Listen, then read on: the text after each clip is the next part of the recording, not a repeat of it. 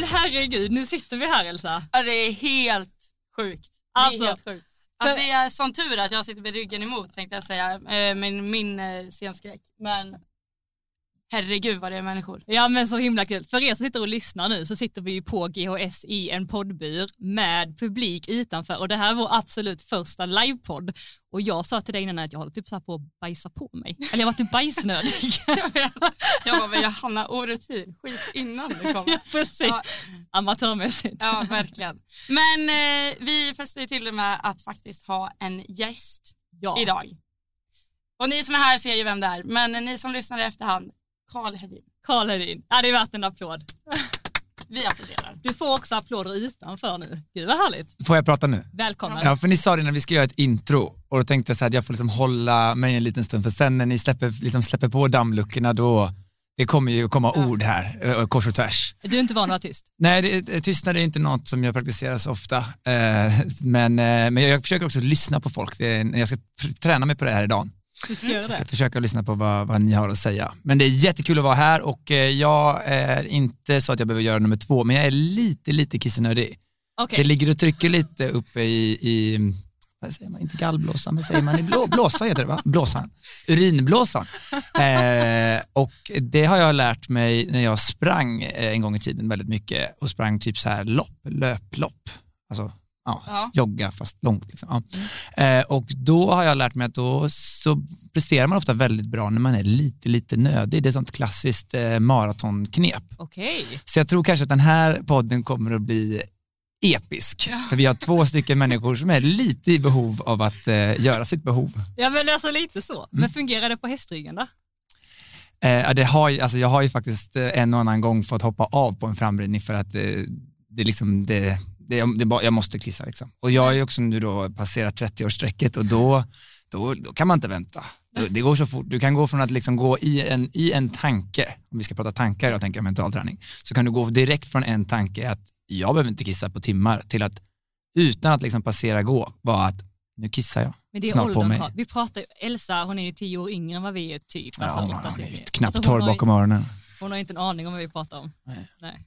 Men jag tycker att Men du kommer dit, dig du kommer dit så vi kommer att lära dig ett och annat. Så det här kommer att, det här kommer att vara Toalettpodden med eh, Johanna och Karl och idag är gäst Elsa. Och det var där folk slutade lyssna. Ja. Okej, men vi har ju faktiskt kommit på någonting vettigt, eller? Ja men Har det vi har vi absolut. Alltså, till att börja med, vi har ju en dressyrryttare här. Det är typ första och jag skulle säga enda gången vi kommer ha en dressyrryttare i podden tror jag. Eller nej jag vågar inte säga. Ja, Ah. alltså, vi vågar inte säga för mycket, men eh, ja. Fast du liksom kvalificerar ju in dig lite på hoppsidan i och med att du är bättre än både mig och Johanna tillsammans. Exakt. Åh ja, åh ja. Jag känner ju med att jag är liksom allround-ryttare. Det tycker jag är min, eller så liksom lite lyxig hobbyryttare tänker jag. Att jag gör liksom lite av allt liksom. Fast är det det? Ja, det är väl en, en inställningsfråga höll jag på att säga, men jag ser mig typ som det. Alltså det är, folk säger, ah, du, du ser ut att du är hoppryttare. Jag bara, nej men jag, jag tar den hästen som står närmst och så ser vi vad jag kan göra med den liksom. Så vi får se, snart kanske det blir islandshäst också eller västernridning eller något. Ja, jag skulle inte förvåna mig. Jag tror ingen skulle förvåna sig. Vad man än ser som du hittar på, alltså vilken galenskap som helst, man bara köper det rätt av. Alltså så länge det är du som gör det, man bara okej. Vad som helst kan hända när som helst. Ja, det är det. Jag gillar ju att hålla folk lite på halster liksom. Mm. Man vet aldrig vad som ska vänta bakom nästa post liksom. Nej. Nej men det är verkligen så. Men vi pratade ju lite om det, lite Instagram Mm. innan. Eller vi, jag och Johanna skulle försöka göra något så kallat manus eh, för typ en och en halv timme sedan eh, som misslyckades totalt och så tänkte vi, som vi alltid gör, vi ringer upp varann fem minuter innan vi har bestämt att vi ska podda eller en kvart efter. Men och så här, vad ska vi prata om idag? Vi kommer in på något. Det löser Det sig. löser sig. Men jag vill gärna höra lite om hur går det en sån planering till då? Jag, jag får ju en känsla, jag kommer liksom att, ehm, eh, jag kommer att eh, ta min förutfattade mening om hur ett sånt eh, samtal ser ut. Mm, kör. Jag tänker att eh, Johanna sitter vid telefonen, du är klar. Liksom utsatt tid. Så här, planeringsmöte med Elsa klockan två, Vi bryter nu. Eh, Johanna har tänt Det ljusen, där är inte sant. mysstrumporna är på, liksom så, det spelar liksom dansbandsmusik i bakgrunden, lite där i bakgrunden. Och sen så tänker jag så här att Elsa, hon har så vattenläcka.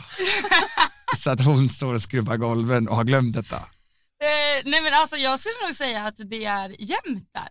Det Att vi började, det ringer upp varann, så. Typ, varannan, Ja, ja, men det var ju bara för att du råkade ringa oss här häromdagen. Ja, när du hade vattenläcka. Ja. Ja. Och det är faktiskt det enda poddavsnittet på Och, och det var också snart- typ helt sjukt för du typ bara la på. Ja men det, det var också ju för att det kom en person som skulle gå in Ja men det var också sjukt för jag, vi pratade ju, jag ringde ju dig och då pratade du med Elsa tror jag. Mm. Så jag hoppade in i det samtalet Ja. och du höll på att skura golvet. Och jag hade typ min sämsta fredag på mannaminne liksom. Mm. Eh, Så jag ringde och det första som kom upp när jag öppnade Instagram det var Johanna och jag kände så här om det är någon som kan coacha mig i mitt, i mitt lägsta då är det Johanna. Och jag ringde ju inte, för jag sa ju att jag kände att jag, typ, att jag ville att du skulle fakturera med något för det kändes som att jag liksom använde din, din kunskap som mental tränare. Men det sjuka var ju inte det att jag utnyttjade min vän för hennes yrke, utan det är när jag berättar om mitt absolut typ mörkaste in, Karl är på inre. botten. Ja, alltså det, jag är en vattenläcka. Jag är liksom, jag är flytande form. Så låg jag. Då bara Elsa typ, tja, drar, lägger på. Ja men det var ju panik. Så det är Jag verkligen så här, och- och jag tänkte verkligen när vi pratade så här, jag, bara, jag ska bara avsluta, jag kommer prata mycket idag. Eh, jag tänkte så här, är det så att du är det så som person som inte klarar av, liksom när det är lite så här, nu är det inte så här shimmy shimmy och kul. För en del människor kan ju få panik i en sån situation och bara så här, eh, bli istadiga och bara så här, jag pallar inte detta och backa ut ur rummet. Du tänker lite fuxmärr liksom. Eh, nej, jag tänker mer så att man inte, kanske inte så att man är liksom lite, ja, men mer att man liksom bara inte klarar av att nu är det någon som typ Men öppnar det- sig och eh, mår piss och nu måste jag bara så här, äh, lämna för jag klarar inte av att prata känslor liksom. Jo men det tror jag nog att jag är, lite så här gås, alltså som att hälla vatten på en gås, att det är så här, jag skakar av mig och sen, eh, liksom, och sen är jag nog inte så bra på att prata om känslor med andra heller. Men det här var ju faktiskt ett kris, det här var ju en krissituation. Ja. Och det här var också med respekt att jag ville lägga på innan min ordförande klev in. Ja, okej. Men, eh, så det var liksom en riktig ord, man har ju annars skickade hört den där faktiskt, skickade. ordföranden en och annan gång. Nej liksom. men jag skickade ju faktiskt ett sms sen. Men, Ah, okej. eh, men du har nog rätt där att jag kan vara lite kall. Det har Johanna varit på mig om också. Ja, men vi har pratat lite om det. Alltså, Ja. Du har ju en sån här uh, outtröttlig typ, positivitet. Alltså, och du Mm. är ju väldigt så här, allting bara så här löst. Jag kommer ihåg att vi satt i Stockholm och skulle hitta parkering, kommer du ihåg för typ några månader Mm. sedan. Och då var det så här, gud jag tycker det är så jobbigt med folk som typ gör små saker jobbiga. Typ att man bara, åh jag hittar inte parkering, bara, det är ingen grej, man bara löser det. Alltså du är typ så här lösningsorienterad. Och jag tror typ ibland när man pratar om lite djupare saker med dig så är det lite svårare för att du liksom Ja men det är svårt att komma in, du har svårt kanske ibland att definiera dig med det. För att du är alltid så positiv, förstår du hur jag menar? Jo, men jag tycker att du är jättepositiv också. Men du har ju liksom ett annat sätt att kunna ta på känslor tror jag. Ja, jag har Vilken fin lite- hyllningspodd det här blev, vad kul, vad roligt att vi sitter här och hyllar varandra, Eh, vad bra vi är. Men, eh, så det är jättekul, vi kan bara sola i vår egen solstråle här. Nej, men jag blev så glad när du ringde mig. Och jag tycker det är så himla intressant när du kommer in på det så här att saker och ting går ju upp och ner hela tiden. Och att även om du och jag är, eh, nu pratar jag om dig i och med att vi pratade om det, vi är så här förebilder, vi är oftast väldigt positiva utåt och vi visar oftast vårt bästa. Och många ser upp till oss så här, att man också vågar ringa varandra när man inte mår så bra, kunna dela. Mm. För det sa ju, jag delar ju med mig mycket av hur jag hade mått sista tiden när du också gjorde det, vilket bara känns skönt att få dela det. Mm. Och det tänker jag också är så bra att kunna prata lite om det, för att det är ju inte alltid helt magiskt. Ja, nej, precis. Och vi, vi pratade om det. Jag kanske ska ge en bakgrund Ja, till varför kan- det var lite... Det. det. känns som Kan att inte så här, du- alla vill liksom inte- luska reda. Kan inte du bara öppna nu det här samtalsämnet så som du öppnade telefonsamtalet? Oh, kul. Kan kul. du göra karaktär. det som en... eh, Okej, Spela mig Ja. själv? Ja. Mm, okej. Eh, Det här, jag tänker det här är spelfilmen om, så här, inte I am Zlatan men jag är Karl och så spelar jag mig själv. Ja. Där är jag nu. Um, okej, eh, tja, eh, hej vad kul eh, att ni, uh, att, oh, hej Johanna, och Elsa är där också och du, du torkar golven. Hur är läget? Ja, men gud vad kul att du ringer, gud vad roligt. Jo men vi sitter här och pratade precis som dig, för vi pratade faktiskt om att vi ville bjuda in dig till podden. Kunde vi säga det? Ja, ja. Ja, Elsa behöver träna på sitt skådespeleri lite Ja, exakt. Eh, ja, och, eh, ja, vad kul, det vill jag jättegärna vara med om. Eh, fan vad nice. Är det i Göteborg Horse Show då eller? Ja. Ja, lite så. Så vidare, så vidare. Mm, så. Och sen vet jag inte riktigt hur övergången var, men sen... Jag bara, men, men varför ringde du från början? Ja, så sa du. Ja. Och jag, bara, ja, alltså, jag ska vara så här, jag ska vara helt ärlig, alltså, jag har faktiskt en, en skitdag. Eh, och jag har gjort någonting idag som jag aldrig har gjort innan. Och jag har eh, strukit mig från en tävling bara för att jag typ inte pallar. Eh, och jag har aldrig gjort det innan. Och eh, det känns, känns annorlunda för jag har aldrig liksom gjort det. Att jag har typ alltid gillat att prestera och gillat att tävla och alltid tävling har varit någonting som associeras med någonting positivt för mig.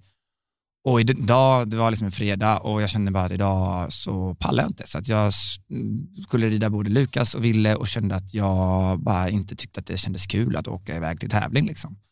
Och eh, jag, kunde, liksom, jag kände bara att jag måste prata med dem för att jag tyckte att å ena sidan så kände jag typ att jag, det kändes bra att stryka sig. Alltså känslan av att så här, nej nu stryker jag mig var skön, men också lite läskig. För då kände jag typ så här, är jag en ny person nu? Är jag en sån som ger upp? Liksom? Är jag en sån som inte Eh, liksom härdar ut. Hur mm. ska jag göra? Ska man när man känner att liksom pressen runt omkring blir för mycket och man inte kan hantera det, ska, ska man vara en sån som, som lyssnar på sina känslor och säger så här, nej men nu drar jag handbromsen här för det här ljudet snurrar för fort. Eller ska man vara, är det här jag definierar som jag liksom kommer att bli bäst i världen för att jag kanske måste bara så här härda ut? Mm. Är det liksom, är det, är det nu jag liksom definierar min mm. framtid? Mm. Exakt. Och, då fick jag, och det var då Elsa bara, äh, jag ska dra nu, tja! eh, och det var då jag fick jättebra råd av dig. Ja, fick du det tyckte du? Ja, men egentligen tänker jag inte att det kanske handlade så mycket om att Alltså du berättade att du hade gått igenom en period där du kände att du kanske inte riktigt hade motivation för att tävla och att du kände att det, liksom, att det var inte riktigt så att det var lika lustfyllt. Och jag tror att det är mycket att, eh, jag tror det för mig själv och mitt eget liksom, mående kring prestation så är det dels bara att dela med sig, en mm. jätteviktig del, att typ prata om det. Och det tycker jag att mina sociala medier har alltid varit, eh, det är något väldigt positivt för mig, för det kan man annars tänka att sociala medier är jobbigt att behöva dela med av sina liksom, låga dalar. Men jag har ju alltid känt att jag har liksom mått mycket, mycket bättre av när jag har berättat när det inte har varit toppen. Mm. Mm. Sen är det inte alltid lätt att hitta vilket utlopp för det. Nej, alltså hur ska jag berätta det på ett sätt som känns bra och inte heller, ibland kan man också känna att det är roligt att det ska kännas som att man kapitaliserar på liksom, mm. nu ska jag typ ja. känna bonuspoäng för att berätta att ah, det är synd om mig och så fram med violinen liksom och dra en snyfthistoria. Men också bara att höra någon annan som säger att vet du vad, jag har inte heller mått toppen nu i det här och jag känner igen mig i den känslan. Mm. Då känns det genast mycket, mycket lättare. Mm. För, och det fick jag verkligen från dig. Ja, men vad fint. Och det, det gav mig jättemycket att, att höra också att du eh, kände som du gjorde. Och jag tror också så här som du sa att det handlar inte alltid om att man behöver ge varandra råd och peppa utan bara typ vara där och bara lyssna och kanske dela med sig lite och det räcker. Och jag frågade dig också typ om du, är det här någonting du typ har pratat om utåt eller så här och det tyckte jag var så intressant hur du svarade att du hade absolut inga problem att prata om det, du delar med dig av det nu. Men just att lägga ut det på Instagram skulle innebära att det var många som kanske hörde av sig och kom just med tips och råd och sådär och du upplevde att det var lite jobbigt. Vad var det du kände liksom? För jag tycker det är intressant, jag tror inte alla tänker på det. Nej. Att det kan uppfattas så. Nej, precis. Och det där är alltid det där med att, uh, att dela med sig. Ibland kan det vara skönt att dela med sig utan att folk, typ som nu när jag sitter här och pratar med er, så är det ju ingen som har liksom någon någon, någon, förutom oss tre här inne i buren så är det ingen som kan komma med feedback på det vi säger just nu. Mm. Eh, vilket känns som ett safe space att dela med sig mm. av saker och ting. Ibland kan det vara jobbigt eh, när man har typ, jag skulle ibland kunna, en sån här typ av material eller sån här typ av tankar kan vara skönt att dela på ett ställe där det inte finns ett kommentarsfält. Där det inte finns ett DM och inte för att man inte kanske vill höra folks åsikter, ja kanske man inte vill faktiskt höra folks åsikter, man vill inte alltid höra det och ibland, ibland, jag förstår att folk ofta så här i välmening kan vara så här, antingen dela med sig av sina egna historier eller komma med konkreta råd eller bara med hejarop, men ibland kan det vara svårt att ta in. Och nu har jag ju liksom turen att jag har olika plattformar att kunna prata om saker mm. eh, och hitta ställen där jag tycker att det liksom passar sig och där det känns bekvämt för mig. För det är egentligen det som man ska alltid komma tillbaka till, att man ska ju göra det som är bekvämt eller som man tycker att man själv känner att man mår bäst av. Mm. Precis som att jag kände att det kändes skönt att stryka sig, ja men då ska man ju göra det liksom. Man ska ju inte tävla, det är någonting vi gör som liksom, mm. vad säger man, bäret på toppen av uh, the cherry on the cake som det heter på engelska. Mm. Uh, det ska vara någonting som man ser fram emot och känner man att man inte har den glädjen då, då ska man ju inte utsätta för det, för det blir inte långsiktigt. Det kanske går någon, några få tävlingar ja. men det håller inte längden. Eh, la du ut det på Instagram? Eller du skrev ut det, att du strök dig? Nej, jag berättade du, för er. Här och nu, nu, i den här livepodden under okay. Gothenburg Horse ja, jag, jag tänkte det, jag tycker jag följer stories väldigt eh, noga, men jag hade inte sett det. Ja, så då det... tänkte jag att då var det för att du inte hade lagt ut det. Nej, nej precis, och ibland kan det också vara så här, ska man göra en story så tycker jag att ibland kan det också vara så här, ja, ska man konstruera det och så ska man säga det på ett bra sätt och så här, hela tiden liksom tänka så här, hur kommer det här att tas emot och du vet bla bla bla, det kanske blir, man, man ska hela tiden tänka på, och nu har det också gått liksom några veckor, man känner att man har landat Ja. lite i det, det är lite Mm. lättare att se det, liksom, det är ju ingen big deal egentligen, men där och då kändes det som en jättestor grej. Mm. Man tror ju också, och det tror jag att alla människor, och kanske, jag vet inte om det känns mer så för att man har någon form av plattform, men att man tror att alla bryr sig om man kommer till start eller inte. Men det är inte som att liksom någon annan Nej. bryr sig Nej. om jag rider den här tävlingen eller inte. Det är ju min värld med mitt team liksom. Ja. Mm. Och jag har ju heller inget ansvar gentemot andra människor att dyka upp till en tävling eller sådär. Det är ju något som jag betalar i startavgift precis som alla andra liksom.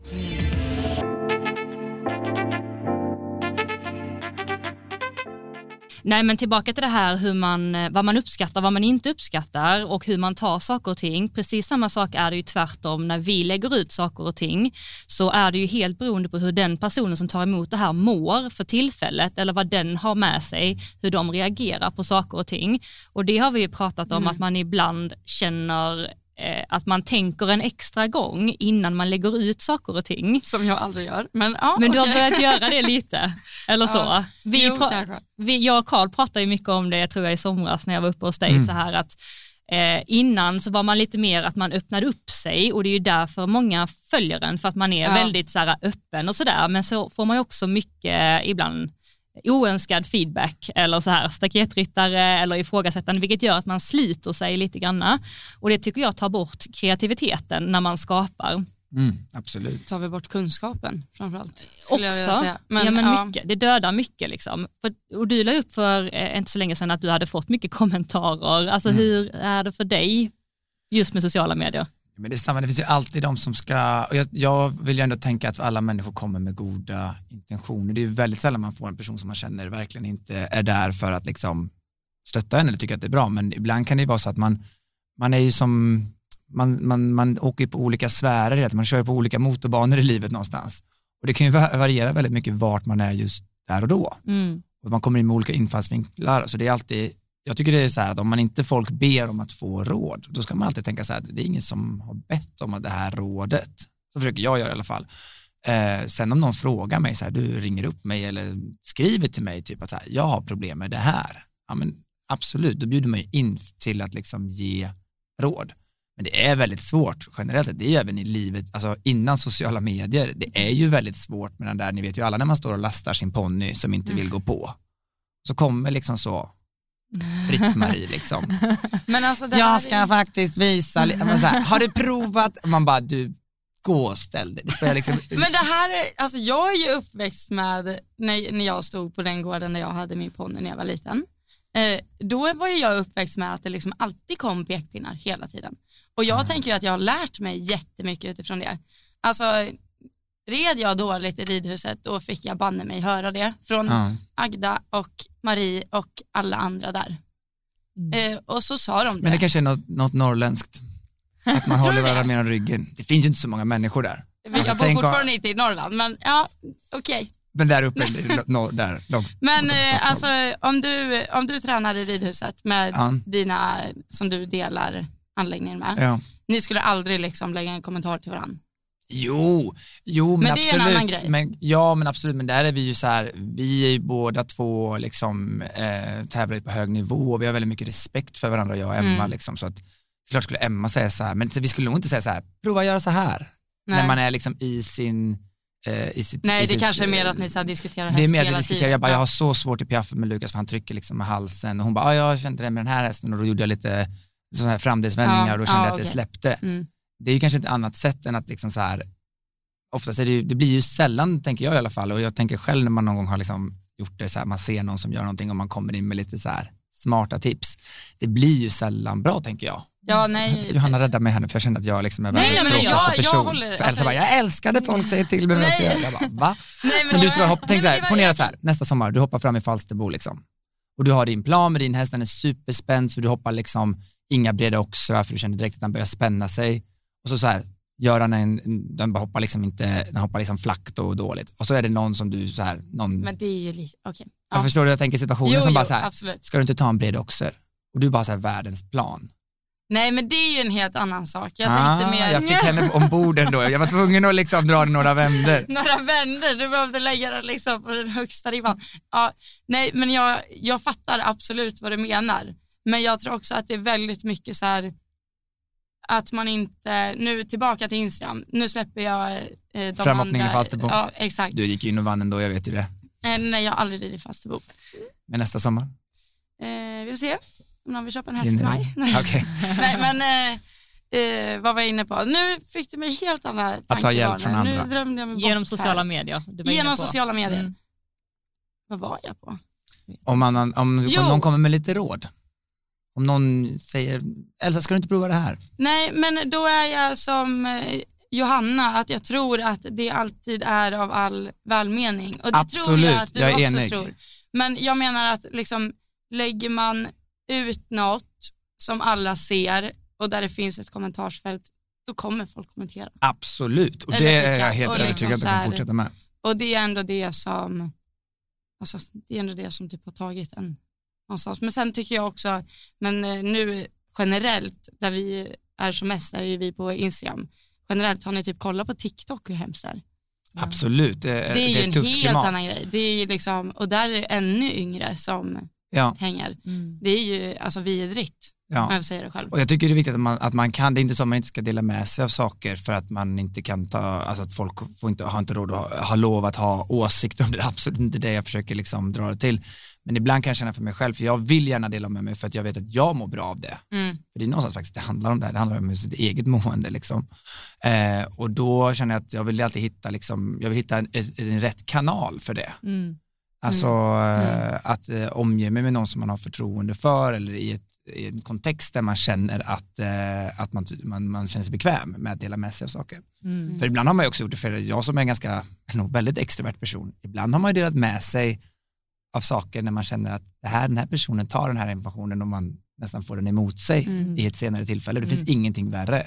Nej, när man delar någonting av som man är jobbigt, typ som den där fredagen jag ringde dig, och då Mm. delar man det med någon som man liksom litar på. Att du Ja. kan ta Jo, den här informationen, det, det, det här är en viktig, liksom, det är Mm. någonting som är svårt för mig att dela med sig av och då hoppas jag att du kan vårda den, det, det Mm. förtroendet som jag ger dig, liksom. eller som jag nu har gett hela Gothenburg Horse Show. Exakt. Så det är viktigt. Mm. Nu, nu kommer jag med en till grej. Ah, Okej, fortsätt. Ja, fortsätt. mig. Eh, det här är jag och Johanna pratar mycket om. Eh, och det är tillbaka till Instagram och eh, som vi var inne på innan med ridfrågor. Att hur mycket av ren, liksom av din rena träningsfilosofi delar du med dig av? Ingenting, Ingenting. alltid bullshit. Nej men Det är bara alltså fattar du vad jag menar? Att, eh, Du- Eh, Många lägger ju ut videos så här, här hoppar jag den här kombinationen eller här gör jag den här piaffen, övergången till passage eller vad man nu gör i Mm. Nej men det vet jag att man gör men eh, jag kan nog ändå inte beskriva vinklarna. i låter jättebra, bara låtsas som att eh, Eh, ja, men i alla fall, hur mycket så här, tanke är du beredd att skriva bakom det? Eller så här, som om Lukas har svårt för det, hur mycket går in för att typ så här, skriva hur du löser det eller varför det är svårt? Åh, det går nog jättemycket i perioder. Ja. Alltså det går nog jätte, jättemycket i perioder. Men Eh, känner du dig typ lite rädd när du ska dela med dig om det? Nej, det skulle jag inte göra. Det tycker jag inte att jag känner mig eh, rädd för. För jag tycker att det alltid liksom, det är ju några av de posterna som jag får som allra mest engagemang Mm. kring. När jag typ gjorde någon så här liten piaff eh, tutorial, liksom så här lär jag in piaff eller Mm. det här. Jag, jag, jag tror att jag märker att folk verkligen älskar den typen av content. Problemet är att det tar ganska lång tid att göra. Ja. Och jag är ju liksom lite så on the go. Jag kastar upp telefonen och så filmar vi och Mm. så. Mm. Liksom, så det är väl mer att det tar ganska, det är ganska tidskrävande att göra Mm. liksom mera educational stuff eller utbildande material. Liksom. Mm. Exakt. Men eh, jag tycker att eh, det är väldigt kul att sätta ord på, och det tycker jag har hjälpt mig mycket som ryttare också, att faktiskt skriva ner. Och det är ett tips Mm. för, jag brukar tänka när jag, eh, ibland när jag sitter hemma och har lite dålig motivation eller att jag känner inte riktigt jag- vart jag är på väg, så brukar jag hålla klinik för mig själv. Men vi har pratat om det, för både du och jag har gjort det oberoende av varandra. Jaha. Jag tror att vi kom fram till det i Flyinge eller någonting. Ja. Jag brukar säga det på mina föreläsningar också, jag vet en sak som Karl också gör och det Ah. är att ha klinik. Det är skitbra, berätta lite om det för de som inte har hört det. Nej, men jag tycker det är ett jättebra sätt att, eh, ofta när man rider så går man mycket på känsla och man eh, liksom är i sin egen lilla värld och man är så fokuserad på, på hästen och på dig och det, vi- vart vi är på väg och så här. Så ibland så tappar man liksom, eh, liksom syftet man gör. Man, man gör så mycket grejer som är liksom Mm. det motoriska muskelminnet, både det som sitter här inne Mm. men också sitter i händer och fötter och i sittbenen, liksom, att det bara sker på automatik. Mm. Och då tycker jag att det är ett jättebra sätt att typ, eh, göra sig själv medveten om vad det är man håller på med. Att så här, när jag rider den här hästen så tänker jag att jag värmer upp på det här sättet därför att det gör Mm. så här. För när du börjar göra det så börjar du helt plötsligt göra, liksom, då blir du väldigt medveten om vad du gör och vad du inte gör Ja, Mm. också varför du gör det. Och varför du gör det. Alltså typ, jag kan tänka när jag sitter upp lite grann och så tar jag tyglarna och så känner jag kanske att Kalle han hänger lite på högertygen. Mm. Då kan jag liksom tänka så här, okej men okej Kalle hänger lite på högertygen så jag känner det. Okej, så jag skulle vilja att han tar lite mer stöd på vänster, så hur kan jag lösa det? Okej, vad händer nu om jag rör lite på högerhanden? Händer någonting då? Okej, men där släppte han efter lite. Okej, då ger jag efter lite. Vad händer om jag lägger min högerskänkel och försöker få lite mer stöd i vänsterhanden? Okej, där kände jag att han gav mig ett gram mer bra. Alltså så att jag också beskriver Ja. varför jag gör det och hur jag gör det för mig själv. Och då tycker jag som du säger att man renodlar hjälperna istället för att det är så lätt ibland Mm. att man säger man har det här och så spänner man axlarna och så kanske man stäng- spänner knäna utan att man är medveten om det och så bara sätter man så många signaler till hästen att det blir press liksom. Ja precis, jag tror också att man, när du liksom tänker eller till och med ännu bättre säger det högt, Ja, då blir det, tar du ner tempot. ja, Så att du får lite mer tid till att göra Mm. varje enskilt moment, enskilt moment mm, Vilket gör att det också är lättare för hästen såklart förstå signalerna. För vi gör så himla mycket och det tänker jag liksom, när man själv åker och tränar så man är så omedveten om vad man gör där uppe i sadeln Mm. eh, tills någon säger det. mm, Typ exakt. Att, tänk på Mm. det här. Och, så bara.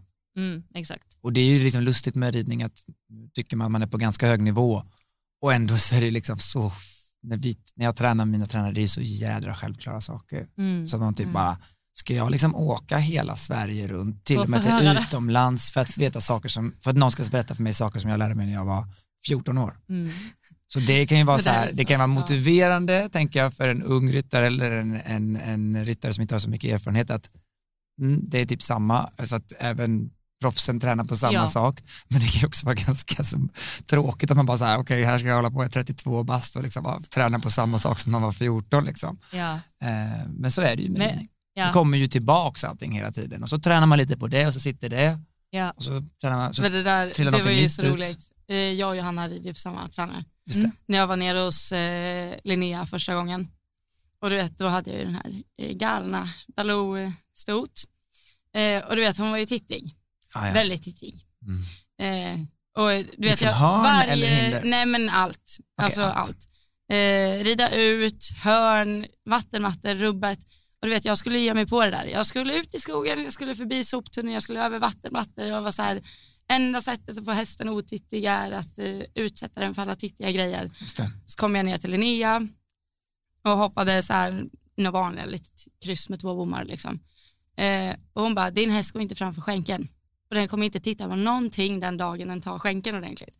Och jag åkte hem därifrån och jag bara, okej jag fattar vad hon är inne på, men hon ljuger. Hon kommer alltid vara tittig. men eh, som hon sa, det tog två veckor. mm, Eh, från att jag satte upp i sadeln, jag skrittade ofta fram henne för hand, att det var Linnea också på mig om, att så här, den tiden du ber henne att jobba, då ska hon jobba. Hon ska inte Mm. jobba liksom trava runt där i 40 minuter och sen kanske hon jobbar fem minuter, utan då är det bättre att du jobbar hästen ordentligt i 10 minuter. Och det här tog ju två veckor och sen efter det så kollade inte hästen på något. mm, Och jag hade egentligen bara gjort att den var framme för skänken. mm. Ja. Och det är ju också så här, eh, också så himla uppenbart. Det vet man ju sen Mm. man red ponny att så här, hästen måste vara framme för skänken. Men vad betyder det? Ja, men också tror jag just, just tittighet som jag tror väldigt många människor stöter på Ja. någon gång i sitt liv, liksom häst som tittar på grejer och som fixerar på ett objekt eller ett Mm. varv eller ett hörn eller en typ av hinder eller alla hinder. Eh, det är så vanligt och just det där som du beskriver, jag vet jag pratade med Björn Svensson, Unghästverkstan, Mm. och han beskrev att han hade en häst som var jättesvår att få ut på kortsidorna, för han var Mm. väldigt tittig. Liksom. När han hoppade bana så var det alltid väldigt svårt att komma ut i hörnen. Mm. Och han tränade på det här liksom hela, hela tiden. Och så tror han hade varit hoppat och gissat det var för Malin bara, jag vet inte vem det var som gav honom rådet. Hon bara så här, men strunta i det, rid den bara utåtställt som är liksom så här tvärt emot liksom. Och så bara fokusera på typ hålla rytmen. Så bara titta på vart du ska och så låt han liksom gena lite då. Rid bara en kortare linje på alla hinder. Alltså Mm. Och jag vet, det jag har lärt mig med Malin, att hon är väldigt, det är en av hennes stora framgångsrecept är att hon är väldigt bra att anpassa sig efter sina hästar. Mm. Så hon var så här, men istället för att få hon gå ut i hörnet, bara liksom, rid en kortare linje, liksom, så har ni ett utåtställ istället som liksom är typ tvärt, tvärt mot. Ja. Ja, okej, okay, Björn gjorde det. Så bara nästa tävling liksom, så gick den ju jättebra. Och så helt plötsligt när han typ var så här, inför nästa säsong så bara så är han i hörnet och bara så inser bara så här, hur fan hamnar jag här? och så där är det ganska typiskt att man liksom fokuserar på någonting annat Ja. och då Mm. släpper liksom det här när man låser sig på ett problem. Och där tror jag det är bra typ att hålla klinik för sig själv. För då Mm. kanske man börjar liksom breda sin horisont lite grann. Ja. Mm. Det är ju inte så kul att kolla på en enda klinik som pratar om ett enda problem, att bara få hästen att sluta titta liksom. Då blir Nej, man ju nöjd att fokusera nej. på något annat. Men det är jätteintressant att man, lite som du var inne på när man kommer till tränare, man åker liksom eh, åtta timmar för att man tror att man ska få liksom trollformen eller så här, Ja. säg något revolutionerande.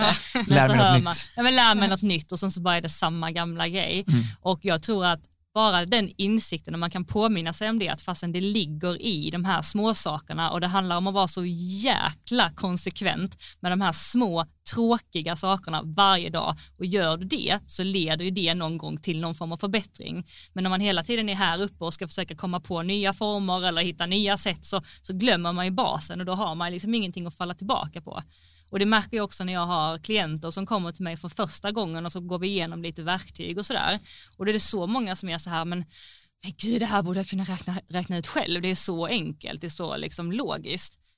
Men grejen är bara så här att vi gör ju det så komplicerat. Det är ju därför vi ibland inte har tillgång till att se enkelheten. Och hade vi det så hade jag ju inte haft något jobb. Alltså det är därför jag har ett jobb. Nej, just det. Alltså för att man gör det så himla komplicerat. Ja, det är din mardröm.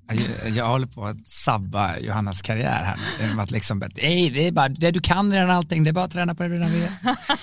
Nej men förstår ni vad jag menar? Man, man söker liksom ibland så mycket onödiga saker när man bara egentligen, som vi har pratat ibland, Ja. att man har ju oftast det man behöver för stunden. Man har, Det finns ju ett väldigt bra engelskt uttryck som heter innocence is a bliss. Att man inte vet om någonting gör Ja. att livet är väldigt mycket lättare att leva. Liksom. ja. Och det är ganska Du- intressant. Men det pratar, ja men lite kopplat till det här samtalet med pressen och sådär. Alltså när pressen, när man har levererat någonting innan Mm. så vill man ju eh, leva upp till det igen och Mm. eller till och med göra det lite bättre. Men när man inte vet någonting, när man inte har några förväntningar, då bara gör man allt på ren känsla och allt är bara bonus. Alltså det var ju lite det vi pratade Absolut. om, att du kände pressen kring. Och det, och det är det ju absolut min, eh, vad jag står på, den, den stenen jag står på nu för att röra mig vidare så är det ju lite, o, dels så är det ju precis det du beskriver, att man nu när jag kommer till tävling så förväntar sig folk helt plötsligt att man ska liksom vara ganska hyfsad. Mm. Innan var man ju alltid bara glad om man lyckades få till det en gång. Mm. Och få till det en gång, det är inte, jag ska inte säga att det är enkelt, det är svårt, det kräver utmaning det också. Men att vinna en klass, det kan ganska många göra, men att vinna igen och igen och för varje resultat, ta liksom Peder Fredriksson och alla här, alla är ju besvikna om de inte vinner. Mm. Det är det enda som liksom, Mm. som håller måttet. Men det var intressant, för jag tänkte på Henkan, han vann ju igår också. Såklart han gjorde. Ja. Så, nu, säger, nu, säger, nu säger du såklart att han gjorde. Ja, och okej, jag förlåt, tänk- förlåt, nej, nej, Hen- förlåt Henke. nej men det var precis det jag var inne på. Du är bra precis som du är. Att helt plötsligt nu så vinner han och vinner han och vinner han och då är min fråga så här, eller jag är ganska säker på att framgång föder också framgång. Alltså Ja. att man kommer Ett in flow. i ett flow, ja. Ja. Alltså verkligen. Men också den att är du i ett flow, jag tänker de här yngre stjärnorna som typ gjorde jättebra i världscupen förra året eller för två år sedan, att de ska liksom komma tillbaka nu i samma sak när man faktiskt börjar tänka på vad är det jag gör Mm. som gör att det går bra. Mm. Jag måste bara fortsätta göra samma sak. Inte göra något för mycket, inte göra något för lite, bara göra samma liksom. Mm. Att det, jag har hittat ett vinnande koncept, nu gäller det att jag liksom håller i det här. Ja, Jag ska precis. hålla min häst frisk, jag ska liksom underhålla det här. Det måste ju vara, alltså, det är ju egentligen det som typ Henrik och Peder håller på med. Mm. Ja, men precis. Alltså, de har ju framgångsreceptet egentligen. Att ta en häst i svårklass, ta en häst i 1,60, få den att hoppa felfritt, få den att vinna världscupen, få den att ta OS-guld eller VM-guld. Alltså det där. Men för att behålla Mm. hästarna på den nivån, behålla sig själv på den nivån, alltså det här underhållet. Vi, vi har Ja, ju precis. hela tiden någonstans där vi liksom spanar efter.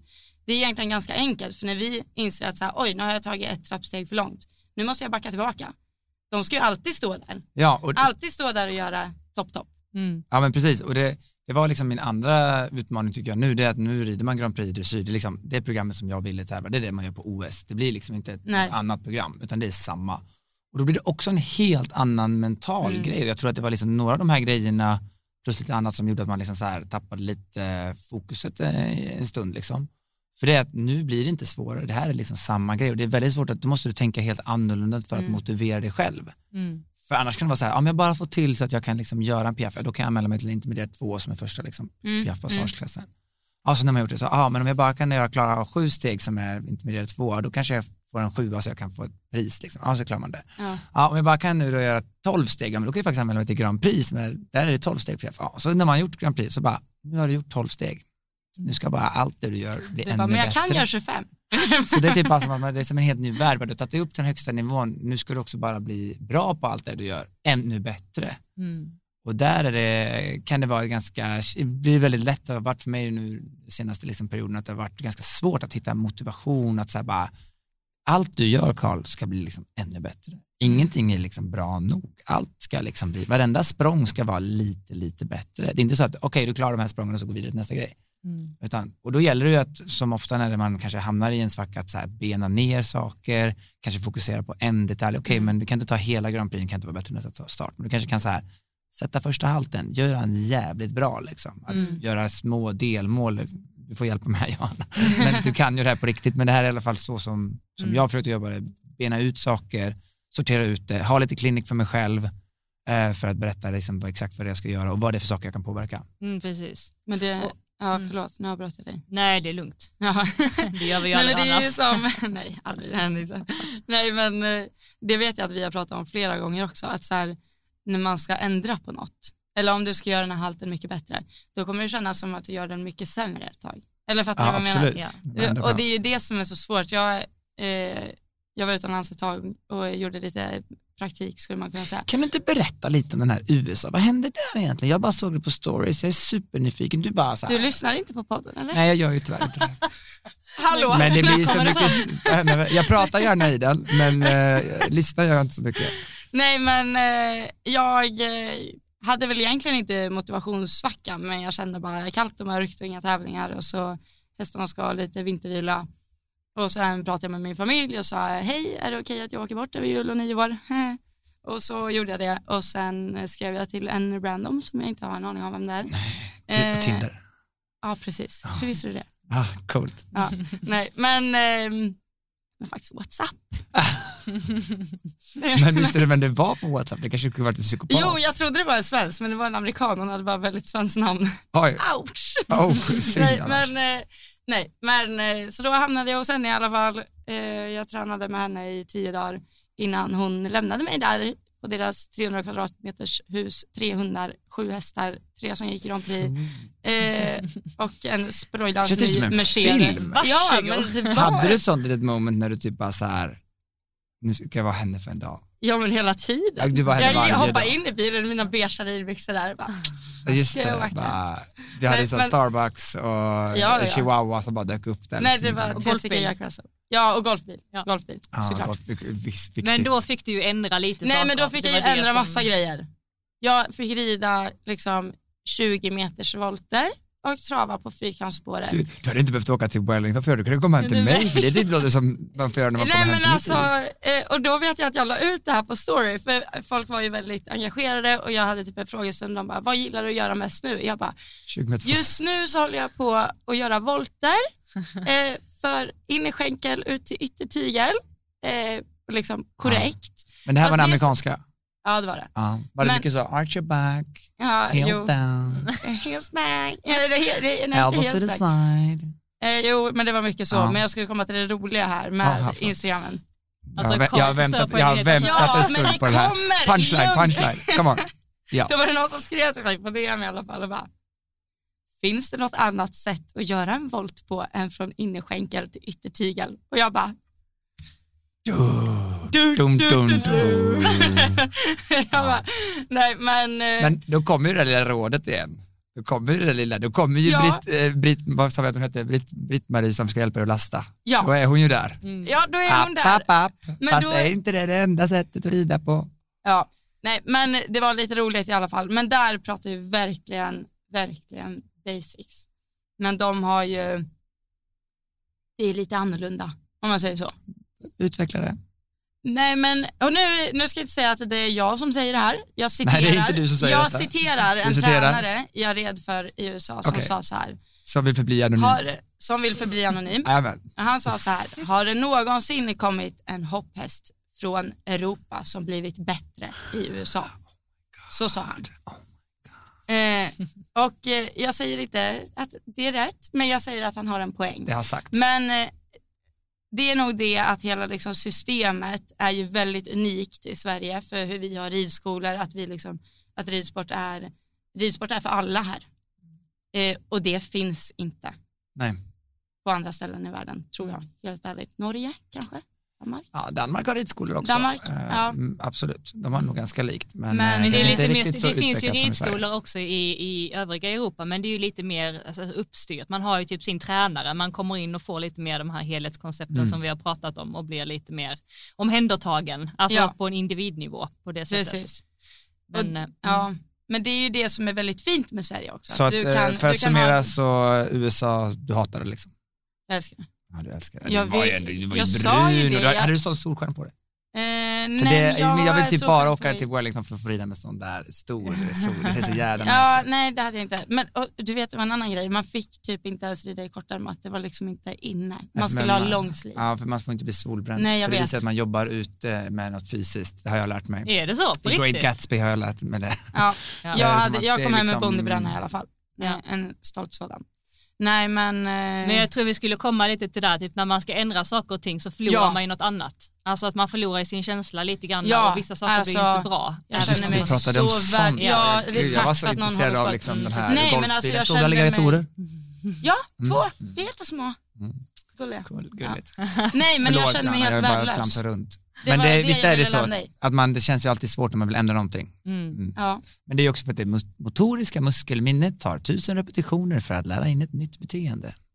Men då, om du ska ändra någonting, då håller du på med det tusen gånger. Alltså Maniskt. är du, du är manisk på det? Nej, absolut inte. Inte? Alltså jag har nog varit mycket, mycket mer manisk, men mitt nya, liksom mera så här devil may care eh, persona är inte alls kanske riktigt lika på det sättet i alla fall. Jag vet inte, jag, jag får ju kanske träna mig för att vara det, för att det är inte riktigt min natur. Jag är ju ganska liksom benägen att prova nya saker. Jag är inte Mm. rädd för att kasta mig ut i saker som jag inte vet om jag kommer att klara av. Bockningar? Alltså sådana. Ja. Ja, jo, nej, jag gillar ju när det går fort och, och sådär. ja. Jag är ju också ganska så här, åh, jag är ute och rider och så bara, det är ett dike där, men gräs, det är en fin åker på andra sidan typ. Alla säger, men man har aldrig gått igenom det diket. Men då är jag ju väldigt så här, vi provar, vad kan hända liksom. Mm. Mm. Alltså ibland kommer man ju över diket och ibland så får du ringa liksom räddningstjänsten. Där tror jag att du och jag är ganska lika. Ja, men jag känner också jag vet inte, lite Johanna lika. skulle inte få den där känslan att så här, gud vad det hade varit trevligt att ta av tränset just nu. Nej. det här är väldigt, för Emma då som jag umgås väldigt mycket med och som äger, vars föräldrar äger gården som jag är på, Mm. hon är ju lite mer så att hon kan vara så här att jag kan inte förstå att du kan gå igång så mycket på att typ göra någonting som man inte borde eller göra någonting som man inte vet om det går, att liksom det där att ta sig över det där dödsdiket liksom. Mm. Och då undrar jag så här, berätta lite mer hur det är att inte, att, att känna sig liksom så här, nej men jag har inget behov av att gå till den här åkern.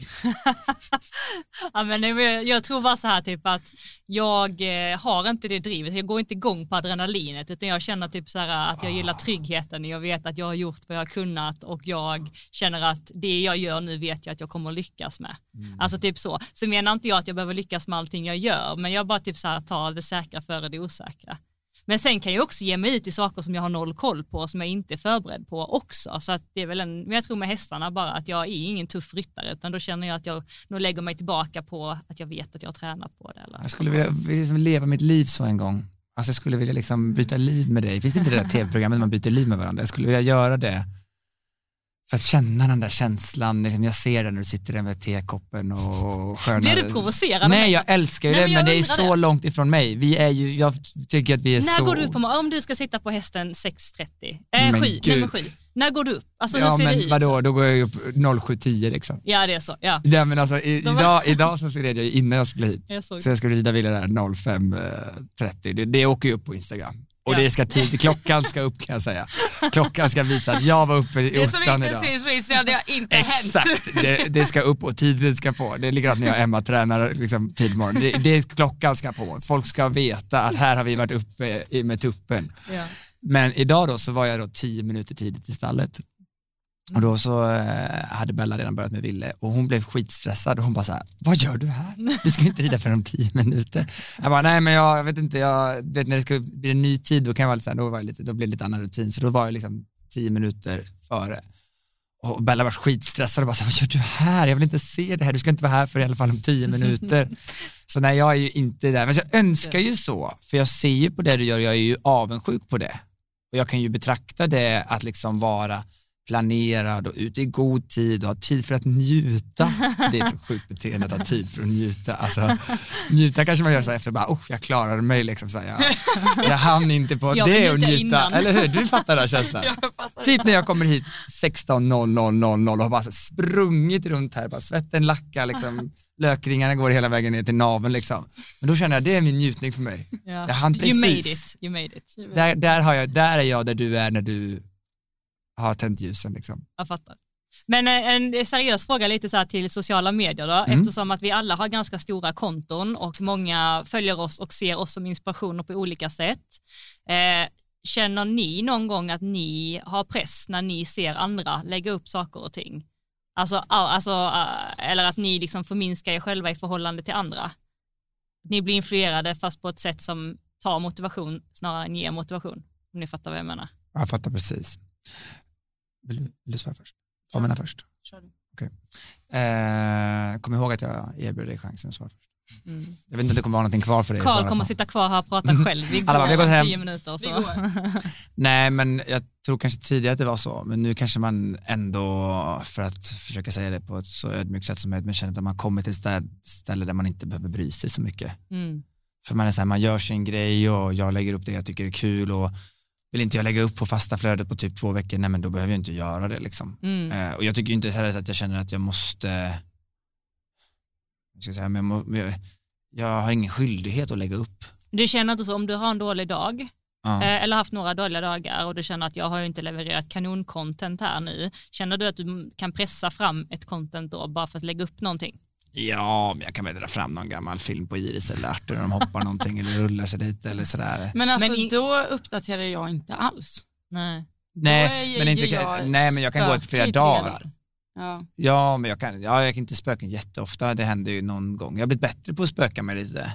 Ja, det har du verkligen. Ja, ja men bra. Ja, jag sa jag inte det till när vi pratade, men jag kunde liksom kä- känna lite så här att jag hade, när du ringde mig så visste jag nästan typ att det hade varit, att det, du är inte på, nej men du är inte hund, du känner inte dig hundra. Nej.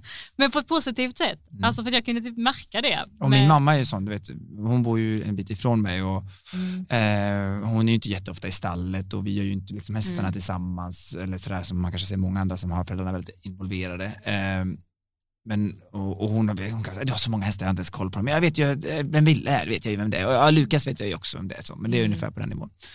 Men hon kan ju vara så om det liksom innan när jag spökade när det blev liksom ett blått plus istället för en röd ring Ja, runt mitt namn på stories. Mm. Det kunde ju liksom gå så att när den här ringen liksom blev 24 timmar hade gått och jag blev ett blått plus. Så bara så här. Brr, brr, brr, så bara, mamma ringer. Har det hänt något?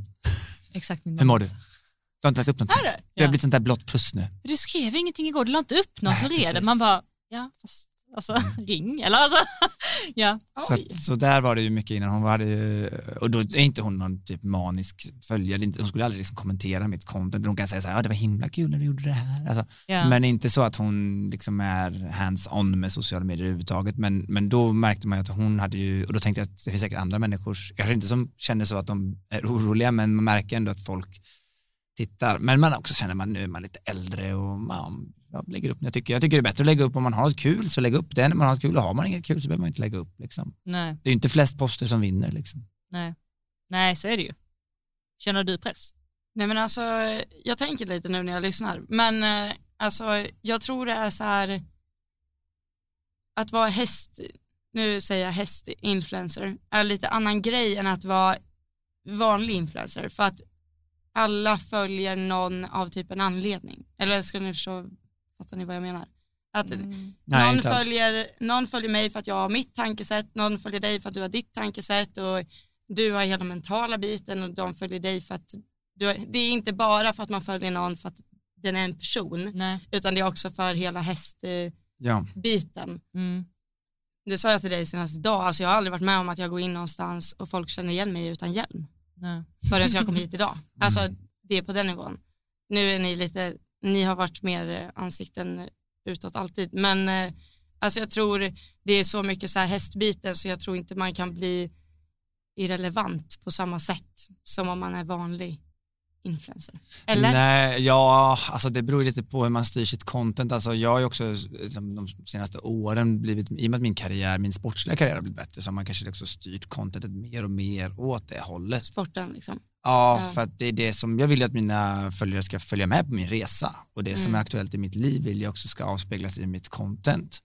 Eh, och jag kom kanske från en, en tid när, när jag liksom höll på att driva upp Equest och som där sociala medier såklart är en viktig Mm. del där det kanske också var mer liksom skoj och ploj. Mm. Eh, men idag kanske man också blir, man mognar också som person och det är kanske inte riktigt lika liksom, motiverande att, att eh, nu har man ju några hästar som man satsar ganska mycket på och då är det ganska så liksom, vilsamt och kul att få liksom, jobba med de här små detaljerna. Mm. De kanske inte syns lika mycket på, eh, kanske inte lika stora like-bombs eh, och så Mm. här, idag fick jag den här insidan så mjuk i en hörnpassering. Det kanske liksom inte är så kul som att rida med en presenning på sex meter bakom och liksom ha hunden under armen och en tomteluva liksom Nej, det kanske inte ger liksom riktigt samma typ av engagemang. nej, nej det är sant. Eh, är och, sant. men det har också gjort att jag har ju vilat tryggt i att jag så här, men nu gör jag ju en ganska så här, 360 eh, elitsatsning och då får liksom sociala medier, det sociala medier vänta lite på sin tur. Mm. Och jag har ju också hållit på så fruktansvärt lång tid, jag är ju fan en dinosaurie på de där sociala medierna så att Ja men det är du ju. då kan man också så här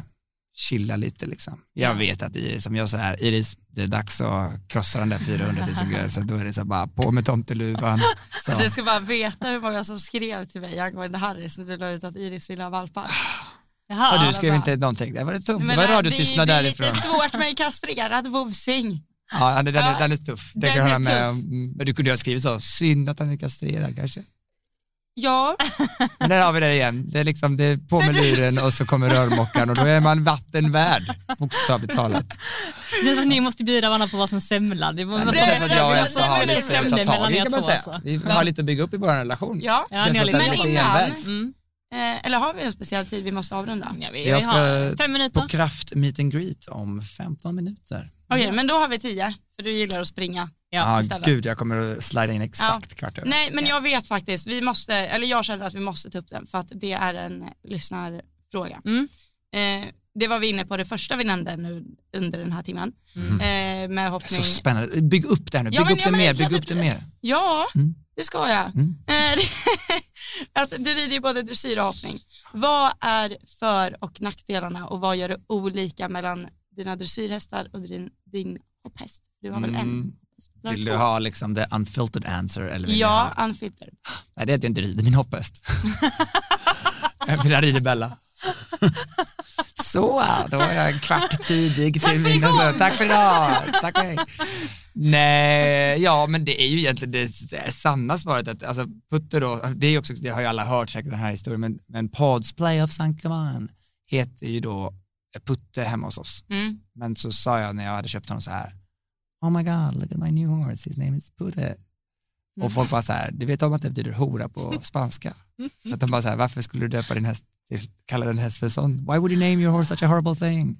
Så jag bara, oj, jag kanske inte är så kul att liksom ha en häst som man kallar för liksom prostituerad, liksom. det känns ju jättetokigt. Ja. Eh, så att, eh, ja, vi döpte om honom på Instagram till Pods. Ja. Men nog om det. Eh, Pods då, eller Putte, han, eh, han är rätt så, liksom, han är väldigt fin att rida på marken. Eh, och kanske inte, det är kanske också så här, det nu låter jag som alla hoppmänniskor som jag så här har så här, Ratat. ratat. Han kanske inte behöver så mycket markarbete. Plus att Bella gör ett jätte, jättebra jobb med honom. Ja. Och jag har kanske lite svårt att hitta motivationen i det. Sen vill jag då säga att för mig är det också väldigt tydligt att hoppningen för mig och den hoppsatsningen som jag gör med Putte, det är liksom min hobby och jag gör det för att det är kul och det ska vara lustfyllt. Jag har inte så liksom jättehöga förväntningar. Du hörde det att- va, Johanna? Han hoppar 1,40 felfritt för att det är, är kul. Det är kul. Det är Exakt. kul. Ja. Det är mest är att jag har en väldigt fin sliter häst. bara hår för att kunna, liksom, okej, det är i och för sig debuterat men ja, nej fortsätt. Jag vet, Ja. det låter lite kaxigt kanske. Men, Ja. men, men så jag liksom jag köpte ju Putte för att jag inte ville köpa en sport, en, liksom en Ferrari. Ja, Så att det var liksom antingen att köpa en sportbil eller så köpte jag Putte och då köpte jag Putte. Och det, är sådär, det var liksom en, en, ett sätt för mig att kunna, så här, jag hade sålt en jättefin dressyrhäst och så bara så här, nu ska jag köpa någonting för så här, unna mig som det heter så fint. mm. Men vad, Så istället för att typ dra på mig strumporna, vi är där igen nu, strumporna, tända ljus. Det, det, var mitt, det var mina tända ljus, Ja. det är Putte liksom. Jag ska Men börja alltså, köpa hästar istället. till en, en till, jag menade Men sen med inte- hoppningen är jag kanske lite mer så här att okej jag har en ganska tydlig plan, jag typ så här försöker ju vara väldigt, jag gillar ju att vara träna väldigt tävlingsnära. Ja, Så ja. att jag tränar ju väldigt liksom så här likt och nu typ Putte då som är ganska säker förutom när vi typ kraschar och bryter nack- nyckelben och sånt. Men annars är han ju generellt sett ganska felfri. Men inte så snabb. Och jag är inte heller så snabb. Framförallt är väl inte jag så snabb. Men då försöker jag träna mycket när jag rider hemma. Eh, typ så här, även om jag hoppar en, en ganska enkel bana hemma så hoppar jag alltid så här en kort innesväng. skitfort. Folk bara, vad är det för en sandorkan där borta på ängen? Nej men det är Karl, han tränar. Nej men då, då vet jag så här att, för då det var, jag hoppade i Göteborg, då var det Malin som sa till mig bara så här, du måste ta ett språng mindre i alla svängar. Hon har den här Harley Davidson och den är Mm. så här ganska stor galopperad. Hon gick ju in och hoppade, det såg ut som att hon liksom, det är långsammare än jag gjorde när jag red på dressyrbanan liksom. Och ändå så var hon typ två eller trea Ja. i den här klassen. Och hon red inte ens, hon gasade inte ens. Jag bara så här, how's that possible? Hon bara, men jag tar två språng i varje sväng. Så när du går hem nu och tränar så tänker jag att du ska ta två språng min, mindre än vad du är bekväm med, Mm. kan man tänka. Eh, så det, och det betyder inte att man så här vänder upp på en femöring. Nej. Jag, sjukt att du hoppar den där cavalettin på tre språng. Det är ett Har- har du-. Nej, du, det är Andreas som skulle testa det ju. Ja, precis. Mm. Men, Nej, det är eh, imponerande faktiskt. Det är jag nu när jag är hemma.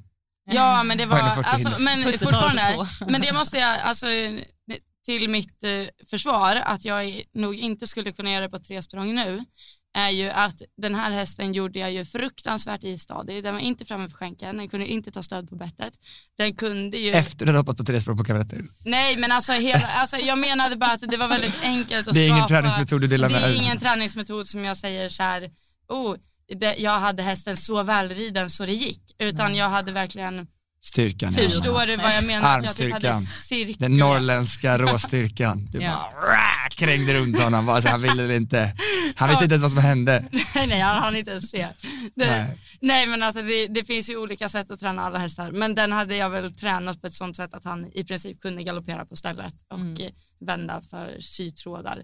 Vilket gjorde det väldigt svårt att hoppa 1,30 inne på Mm. banan. Det är sällan du behöver hoppa ett, ett samma räcke på tre språng runt. Ja, det händer inte, jag har faktiskt inte varit med om Det Ovanlig bana så hoppa ett räcke, vända runt på tre språng och så hoppa tillbaka. Jag har en fråga, den är Ja. bara till det här med... Jag vet inte om jag fick, fick du svar på din fråga för det känns som att jag var jätteflummig där men det, Mm, ja, men lite, jo, men det tror jag nog. Ja. jag, jag tycker Eller jag skulle, nej, jag skulle vilja ge en komplimang först, eller en, eh, det som jag tror ja, att är liksom ditt, är så nyfiken. ditt vinnarkoncept, att det, det är som du säger, när du rider hoppning så ser ju allt väldigt, väldigt, väldigt enkelt ut för dig och det är ju för att du har en sån, antagligen en sån otrolig känsla för rytm när du rider dressyr. Att du lägger upp ett tempo och sen bara behåller du det. Mm. Och så går det så, hela den här 140 banan du har det? Typ Ja, men han- du har ju det. Finns, vet du vad det, är det, om, att får jag liksom en komplimang för min hoppning då blir jag ju knäsvag. Alltså, Ja, men jag är det, snart det, nere på ett ska knä här och Den ska du bara, ha. Men you? det har ju helt klart Weird way to propose, but yes.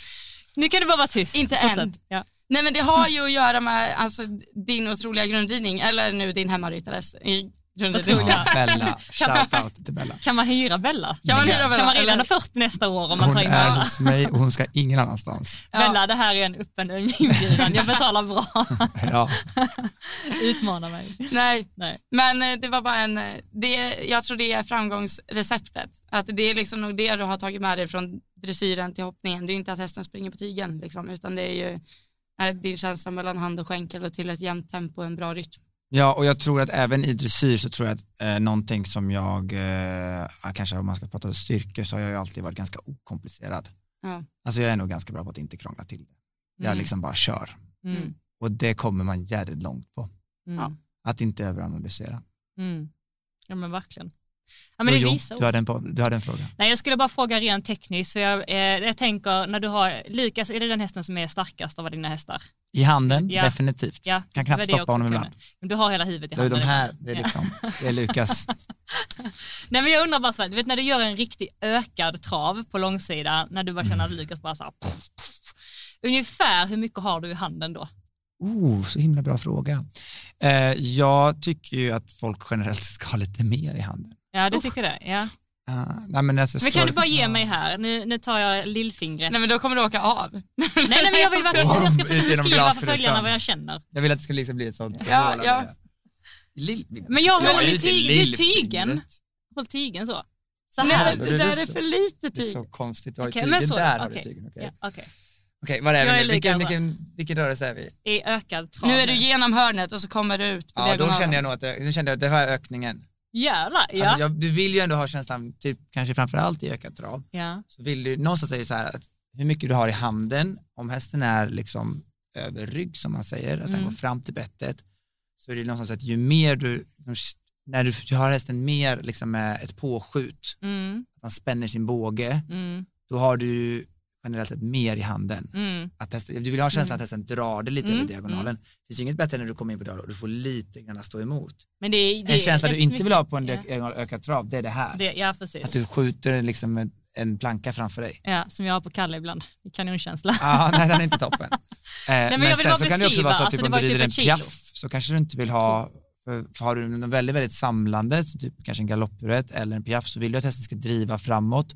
Men inte, får du lite för mycket i handen så är det att hästen liksom lägger lite vikten framåt och börjar driva med sina bakben och skjuter sig framåt. Mm. Så där vill du kanske inte ha den för mycket i handen. Du vill inte ha den så lätt i handen att den börjar tippa bakåt. Nej.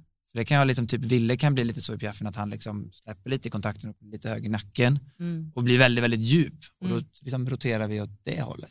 Att Det har inte vi ett problem med. Nej, det har inte vi. Med våra aphästar. Så du vill ju ha kontakt men inte att de drar. Men i vissa lägen, typ ökad galopp, ökad trav, är det kanon och Lukas är ju ascool. Mm. Det är verkligen så, och så bara liksom, Ja. Mm. ser du det där borta så tre steg så är du framme liksom. Men det Mm. måste ju du ha jättebra, nu säger jag inte, du hoppar ju inte på Lukas, men det måste ju du ha jättebra användning för om du ska rida ut på en diagonal och sen en svetig också in i en trekombination i en 40. Att du känner att det liksom bara sugs till Ja. det. Och det är det som har varit det svåra med, med, med Putte eller med Pods. Att Ja. han är ju vek som, öh, om Mm. den bara kunde vara lite styvare så hade jag ju varit så mycket lyckligare. Ja, han är ett litet fladder. liksom. Han är ett fladder utav rang och det är därför jag har lanserat ett helt nytt kombinationstrends för högs, för finns i fladdriga monter, hästar. B01. Finns i monter, 20% hela helgen under Gothenburg Horse. Fick vi in det också. Nej Ja. men det var ju för att jag ville att han skulle liksom ta, ta i bettet. Ja. Jag vill ju ha det jag har på Lukas liksom. Mm. Att han suger. Men håller du mycket träningar och så? Nej, Ingenting. ingenting. Gillar inte att dela med mig av kunskap, den håller jag för mig själv. På riktigt? Nej det är inte därför. Nej men Jag har ju haft jättemycket träningar. Herregud, jag har ju stått där eh, sena kvällar och undervisat, undervisat, undervisat. Men, nu- känner du att det har varit liksom din, det är det du har fått säga flest gånger, så här, driv fram till handen, driv fram till handen. Jag tror att om man liksom vill på lite högre nivå och i, oavsett dis- disciplin så är det kanske en, en känsla som man måste liksom lite grann vänja sig vid. Inte att hästen ska vara stark och dragen men att hästen, jag vet jag tyckte att Peder sa det väldigt bra. Han sa att när man lättar på handen ska man alltid ha känslan att hästen liksom Fyller ut. fyller Ja. ut och drar fram. Mm. Mm. Och det tycker jag är en bra, eh, bra tanke. Men, och med, med det sagt så är det ju så här att om en häst liksom tar bettet då är det också ett ansvar att man liksom inte tar bort hästen från handen. Mm. Det är ofta det som kan vara svårt tror jag om man är på en viss nivå att när hästen liksom så tar vid bettet så tycker man åh den är stark, Mm. nu, antingen tar den upp huvudet eller nu springer den iväg med mig. Mm. Och där gäller det att kunna ha lite tålamod, där gäller det att hålla lite klinik för sig själv så man liksom inte pillar bort det man har skapat. Nej, Mm. det har vi pratat massor om. Vi ska avrunda, men just det här Ja. att, när man, att man ibland eh, kanske sätter in ett skarpare bett för att få hästen att liksom knäcka av och så tänker man att bra. då tänker man att hästen är bärig. Alltså, det Mm. har vi pratat jättemycket om och därför det var därför jag frågade lite dig för jag ville komma in på det här med kontakten för jag är likadan. Att verkligen ha lite extra kontakt och jag har verkligen fått lära mig det på sista tiden att fastän det får känga, hellre kännas lite hängigt till en början Ja. innan hästen också känner sig helt stark att kunna vara bärig i det. Eh, och jag tror att man ibland söker lite för mycket efter lätthet innan man Ja. får lättheten för att hästen har gett efter själv. Och det tycker Eller- jag är så fantastiskt på dina, i alla fall det jag ser på Instagram så tycker jag att det är så coolt att se, att kanske tänker jag, jag reflekterar mest när jag ser kanske Kalle, att när man ser nu att du har kanske lite mer galopp i honom Mm. så hoppar han också mer avspänt. Gud ja. Och det är ju också så här, det kan jag tänka att ur ett Instagram-perspektiv så är det lite farligt. Det är ungefär som en dressyr som travar balanstrav. Mm. Jag skulle ju kunna veva upp Lukas att frambenen håller på att flänga av. Exakt. Det skulle inte ge mig så mycket poäng här inne Nej. och en arena, men jag vet på Instagram så skulle det liksom vara så här, wow what a spectacular horse, liksom så här, he's dancing. Exakt. Lika väl som när Kalle, kanske när jag såg honom i början, så det var lite försiktigt och han hoppade liksom fjong, Mm. fjong. Och jag sa till dig någon gång, jag vill ha en Kalle, jag vill ha en sån like-raket. För Han var liksom, så vackert att se en häst som liksom överhoppar sig lite grann. Det finns ju inget finare, liksom, en häst Mm. som bara fjong, från marken. Men man kanske ser att det är ju svårt att gå upp i klasserna på en sån häst. På en sån häst ja. Och nu när du har lite mer tryck i honom som kanske egentligen känns som man har en lite känslig häst så känner man att då ska man bara prr, prr, lugn, lugn, lugn, Ja. försiktig. Men nu när du har, ger honom självförtroende och så slappnar han av för han känner Mm. att jag har koll på det här. Han hoppar normalt. Eller så här, han bara typ så här ploppar över och det är ju den känslan man vill ha. Mm. Alltså man vill ju ha den och den är Det är ju inte högst över som vinner ska man komma ihåg. Nej. Nej, Och det är precis. lite annorlunda på Instagram så är det ju oftast högst, Högst över hindret får flest följare. Mm. Ja. Ja. Nej, men vi kan sitta här hur länge som helst men jag tror vi får väl runda av lite granna. Vi får göra det. Annars kommer det börja läcka kan jag säga för jag är fruktansvärt Ja, kissnödig. men jag med. Alltså först i toan eller? Nej. Tack snälla för att du vill komma hit Karl. Tusen, tusen tack. Och eh, tack, Tack alla snälla ni, för att jag fick komma hit och förlåt att jag pratar så mycket. Nej, men det, var, det var därför du kom hit. Tack snälla Det för er som har stått här ute och lyssnat i en hel timme. Ni är helt, helt Ja, det- jag har magiska. Jag sett utmanar alla där många ute att sitta här inne i en timme utan att dö av svett för det är fruktansvärt varmt Ah, här är inne. dålig luft. Vi Dålig- ska- Luften, Det- eh, Vill det luktar på ett sätt. är det Karl luktar sådär men jag Ja. vågar inte säga något. nej, Nej, men, då. nej jag skojar. ta en sniff. Men det är ju grå tröja. Herregud. Ja, men Det är inget svettfläck Nej det var ju Det är torrt. Ja, tusen tack i alla fall ni som också har eh, lyssnat. Vi kör livepodd här imorgon igen, 15 och 15. Så är Då man kanske här jag ska lyssna första Är gången. det 15 15? Ja 15, det är det. 15 imorgon. Jajamän. jag- Så ska jag lyssna på mitt första avsnitt imorgon då. Nu får du springa till toaletten och sen till kraft. Och Ja. eh, tusen tack. Puss och kram, tack så Puss och mycket. kram. Applåd.